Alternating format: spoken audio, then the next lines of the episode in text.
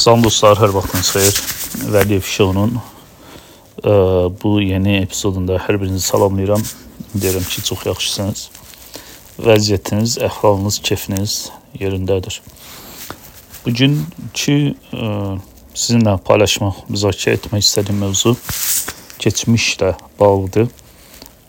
Çox məşhurdur ki, və tez-tez özümüz işlədirik, həm də işlədirik. Deyirlər ki, keçmişi dəyişmək mümkün deyil. Keçmiş keçmişdə qalıbdı. Amma bu tam da doğru deyil. Keçmişi müəyyən qədər gedib dəyişdirmək olar.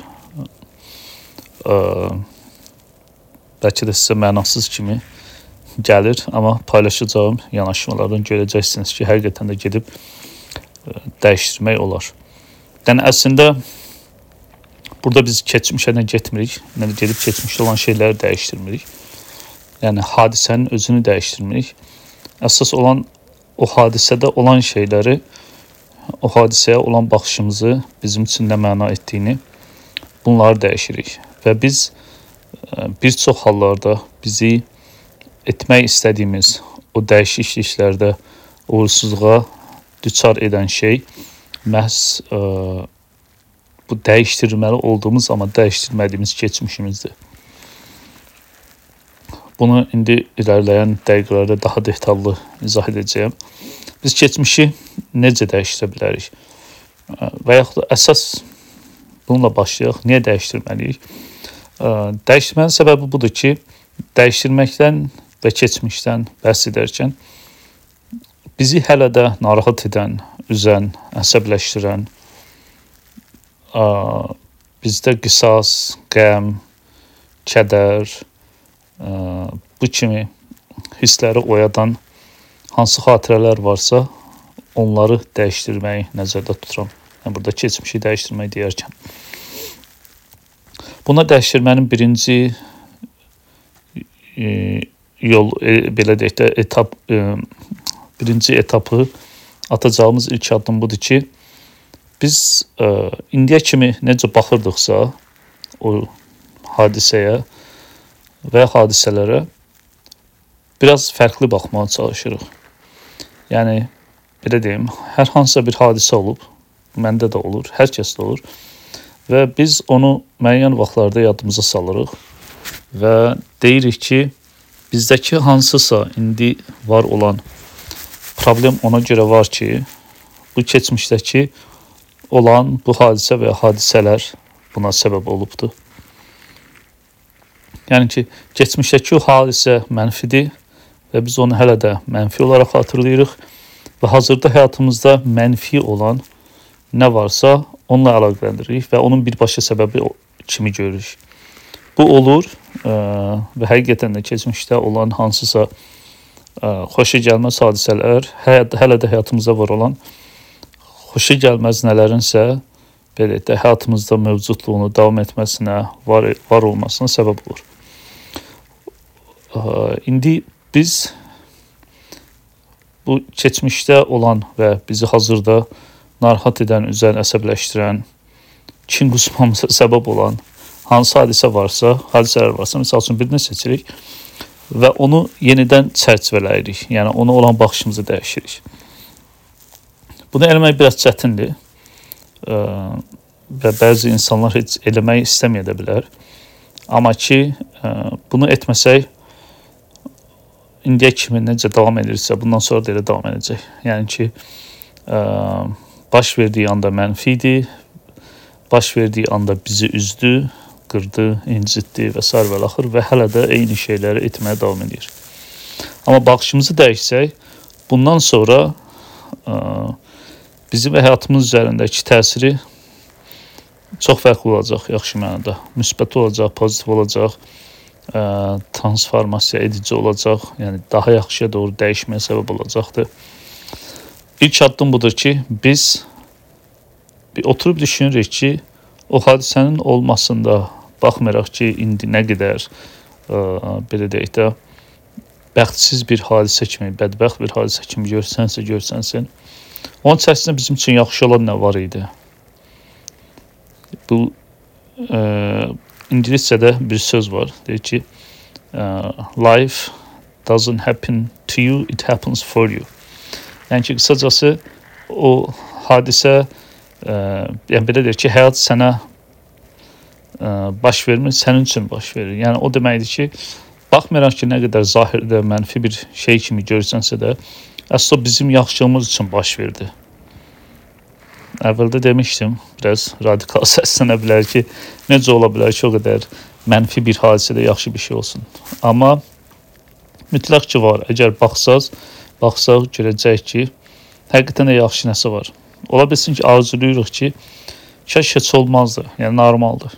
Amma artıq olub keçibdi və ə, gedib heç bir şey keçmişdə edə bilməyəcəyimizə görə indi edə biləcəklərimizi ən azından edək ki, ə, kontrol kontrolu müəyyən qədər əlimizə alaq. Yəni baxırsınız ki, düşünürük ki, burada yaxşı olan nə vardı mənim üçün və yaxud da ki, nələr vardı və inan ki, baxsaz, ə, o zaman o yaxşını və yaxud da ki, yaxşılar tapacaqsınız.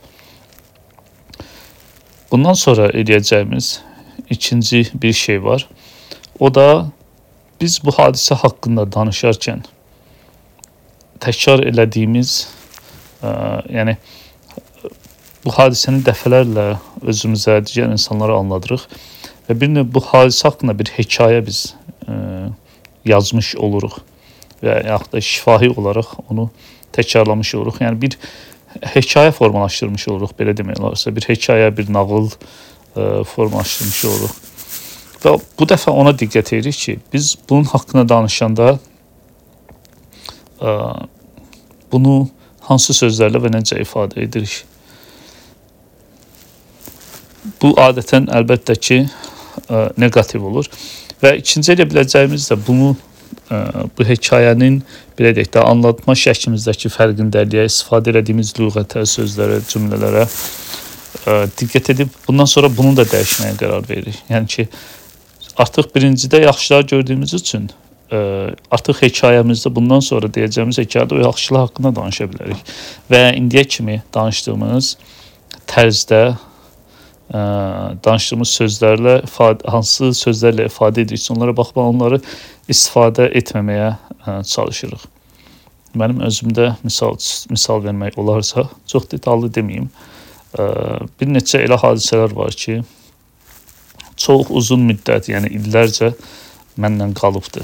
Məsəl üçün onun biri ə, çox yaxın bir insanın dediyi bir söz olubdu. Yəni o söz mənə nə vaxt deyilibdi, dəqiq yadımda deyil. Çünki çox uzun müddət əvvəl olubdu. Ə, yəni 3-4 kəlməni sadəcə bir söz idi. Bir şeyi səhv eləmişdim və ə, ona bağlı o insan bir tənqid bildirmişdi və o tənqid də mənim özümdə olan bir komplekslə əlaqəli. Zaten onun dediyi şey onsuz ki məni içdən içə yeyən bir kompleksim vardı. Onunla əlaqəli idi. Yəni ki 5 qat, 10 qat bir zərbə olmuşdu mənim üçün. Mən onu heç vaxt o insana demədim, deyə bilmədim və belə deyim də çox uzun illər, yəni ən azı bir hərdəsə deyərdim ki, bəlkə də 20 il.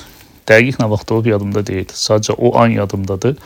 Amma neçə yaşım var idi, neçənci ildi və s. onlar yadımda deyil. Yəni 20 ilə yaxın bir müddət o mənimlə qalıbdı.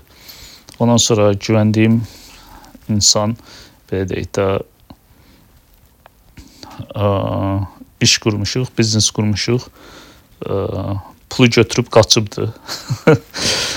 o da uzun müddət qalıbdı ə, mənimlə və onun haqqında nə vaxt danışmışamsa, ə, yəni bu belə deyək də bu yanaşmaları tətbiq etməyə baxdan sonra baxmışam ki, nə qədər mənasızca, çox uzun müddət neqativ olaraq onun haqqında danışmışam və bu məni həmişə limitləyibdi. Bir də belə bir şey limitləyib ki, ə, mən özümdə bunun fərqinə varmışam ki, əslində buna da gələcək, ə, bayaq da dedim səhv etmirəmsə, yəni indi nə isə edə bilmiriksə, indi nə isə bizdə alınmırsa, indi hansısa həyatımızda problem varsa, o problemin səbəbini o keçmişdəki hadisə ilə biz əlaqələndiririk və mən bunun fərqinə varmışdım ki, bəlli şeylər var ki, mən onu etmirəm və deyirəm ki, edə bilmirəm. Əslində edə bilərəm fərqli səbəblərdən etmirəm, alınmır və ə, o səbəbi araşdırmaqdansa öz özümdə baxıram ki, bunun alınmamasını o keçmişdəki belə deyək də o travmalara ə, travmalarla əlaqələndirirəm. Və onunla əlaqələndirdiyim üçün də bir növ qurban rolunu seçmiş oluram. Yəni ki, çox da bir şey etmirəm. Və elə nə dəyişikliyi etmirəm. Nə gedib keçmişi dəyişə bilmirəm. Yəni eyni şeyi təkrarlayıb təkrarlayıb dururam. Bu çox insanda var. Çox insanda belədir. Üç, ə, e, bu ikinci ikinci eləyəcəyimiz budur. Bəs üçüncü nədir? Üçüncü isə odur ki, ə, e, ən çətini bəlkə də budur. Həyatımızda mənfi hadisə baş verəndə onun baş verməsinə səbəb olan insanlar var. Biz bu insanları artıq günahlandırılmağı, suçlamağı, söyməyi, tənqid etməyi, onlara kin bəsləməyi, bir gün onlardan qisas almağı artıq yəni buraxırıq. Yəni ki, vaxtımızı, enerjimizi onlara sərf etmirik. Nəyə görə? Bir, o insan gedib keçmişə o etdiyi şeyi dəyişdirə bilməz. Biz özümüz də gedib onu dəyişdirə bilmərik. Və bizim o insana qarşı içimizdəki o kin, nifrət, o suçlama, günahlandırma ə, da heç bir şey dəyişmir. Əksinə ə, belə deyək də o ə, bir söz vardı. Kim kim demişdi yadımdan çıxıb deyəsən Budda ilə əlaqələndirdilər, amma səhv ola bilərəm. Deyir ki, başqa insana qarşı ə, əsəbləşmək, kin bəsləmək zəhər içməyə oxşayır. Yəni sən zəhəri özün içirsən və ümid edirsən ki, o insan ölsün. və ölən özün olursan. Əlbəttə ki, mənə bilirəm ki, bunlar çətindir, amma o hadisələrə səbəb olan insanları oturub davamlı olaraq suçlamaq, günahlandırmaq, onlara kin bəsləmək əslində bizi öldürür. Yəni biz yəni neqativ hər digər ener neqativ enerji kimi, e, daha doğrusu üzr istəyirəm, neqativ hiss kimi, emosiya kimi, duyğu kimi, e, xatirə kimi nə qədər ki özümüzdə xatır e, saxlayırıq, bizə zərər verir. Bu da bizə zərər verir və bu insanın enerjisini çalan, o o cümrahlığını, pozitivliyini, enerji gücünü alan ən çox olan şeylərdən biridir. Yəni ona görə də yəni məntiqli baxsaq, realist olsaq, nə o insan gedib o etdiklərini dəyişə bilməyəcək, nə biz gedib dəyişə bilməyəcəyik, nə də ki o insana qarşı indi nə qədər belə deyək də əsəbi olsaq, kim bəsləsək, onun haqqında pis şeylər danışsaq öz-özümüzə və yaxud da gir insanlar, bu heç bir şeyi dəyişdirməyəcəkdir. Əks əksinə bir bizim vaxtımızı itirir, ki enerjimizi ə, israf edir, boş-boşuna xərcləyir. Üçüncüsü də ki, heç bir nəticə almırıq. Yəni ki, düşünün ki, boş-boşa nə qədər vaxtımızı, enerjimizi, həyatımızı məhv edirik. Yəni bizə sadəcə bircə dəfə yaşamağa verilmiş bu həyatı məhv edirik və ən acısı və eyni zamanda gülməlisi, ən trajikomik olanı isə odur ki, o insanın və yaxud da ki insanların bizim bu yaşadıklarımızdan, bu burulğanlardan, bu bu neqativ ə, belə deyək də dalğaların içərisində üzməmizdən heç xəbərləri yoxdur. Yəni onlar onların da öz problemləri var. Onlar onunla məşğullar və onların heç xəbəri də yoxdur ki, bizə bunu yaşamamıza hələ də səbəb olurlar. Yəni ki, ə, tamam boş-boş işlərlə məşğul oluruq. Dedim kimi çətindir etməmək. Yəni ki, artıq hə heç kimi suçlamayacağam demək çətindir, amma mümkündür. Yəni yavaş-yavaş az-az edə bilərik. Hə, bəs heç kimi suçlamırıq. Bu demək deyil ki, ə, yəni hə bağışladıq getdik. Biz çox belə deyək də peyğəmbər kimi insanıq. Xeyr. Ə, dərs alırıq Və dərs alım deyir ki, bunun bir neçə mənası var. Birincisi budur ki, o insanları tanıyırıq. Bəlkə də artıq o insanları artıq həyatımıza daxil etməyəcək, etməyəcək. Əvvəlki və yaxud da ki, həyatımız olacaq, əvvəlki kimi yaxın olmayacaqlar. Üçüncüsü, bənzər insanlarla qarşılaşanda daha ayıq-sayıq olacağıq artıq. Yəni ki, eyni şeyləri etmələrinin qarşısını alaq və daha ağıllı olaq, daha ağıllı qərarlar verək və bundan sonra bu bu insanlar və ya da ki bu cür insanlarla ə, hər hansı bir şəkildə bir ə, əlaqədə olduqda, münasibətdə olduqda bir iş gördükdə daha diqqətli olaq ki, eyni şey təkrarlanmasın. digər bir tərəfi dərs almanınsa odur ki, ə, mən özüm nələri səhv etdim. Yəni bir insanlara deyək ki, nə bilim inandınız və yaxud da güvəndiniz və ə, və yaxud da kömək etdiniz həddindən çox və s. və axır. Ona başqa biz özümüz nələri səhv etdik ki, belə bir şey oldu və hələ də oldu və hələ də bizə təsir edir. Yəni bəlkə diqqətsizlik elədik, bəlkə kifayət qədər üzərimizə düşən, düşəni etmədik. Yəni üzərimizə düşəni etmək deyərkən məsəl üçün kifayət qədər araşdırmadıq. Bəlkə də hansısa şeyləri yazmalıydıq, yazmadıq. Müqavilə olmalıydı, olmadı. Ə, şahid olmalıydı, olmadı. Ə, bəlkə də ilk başda nələrdənsə şübhələnmişdik, amma dilə gətirmədik bunu və sair və axır. Yəni bunlar olan şeylərdir. Dərs alırıq. Hə, bu bizim özümüzə olan o ə, kör nöqtələrimizi göstərir bizim ki, biz onun indi fərqinə varsaq, təkrarlamayacağıq. Fərqinə varmasaq, təkərləyə təkərləyə gedəcək. Eyni və bənzər problemlər də daima olacaq. Yəni o kör nöqtələri ingiliscədəki buna blind spot deyirlər. Görmək çox önəmlidir. Çünki onlar bizdə var, hər birimizdə var. Amma bu kör nöqtə deyilməsi odur, çünki biz onu özümüz görə bilmirik. Yəni bizim üçün onu özümüzün görməsi həddən artıq çox çətindir. Nəsə olmalıdır və yaxud da ki, kimsə onu bizə deməlidir və, və yaxud da ki, oturub həqiqətən ə, ciddi analizlər aparmalıyıq ki, o kör nöqtələrimizi ə, görə bilək. Bir də bayaq dediyim kimi birinci də dedim ki, baxırıq ki, bizdə bunun üçün bizdə yaxşı nə var. Yəni burada həqiqətən ciddi ciddi bir belə deyək də analiz etmək lazımdır ki, tamam bu hadisə mənfi idi. Bəs bunun yaxşı tərəfləri nə idi? Yəni ki, tapa bildiyimiz qədər çox şey tapmaq. Çünki var. Hər hadisə nə qədər pis olursa olsun, ə, orada yaxşı şeylər özümüz üçün ə, tapmaq mümkündür.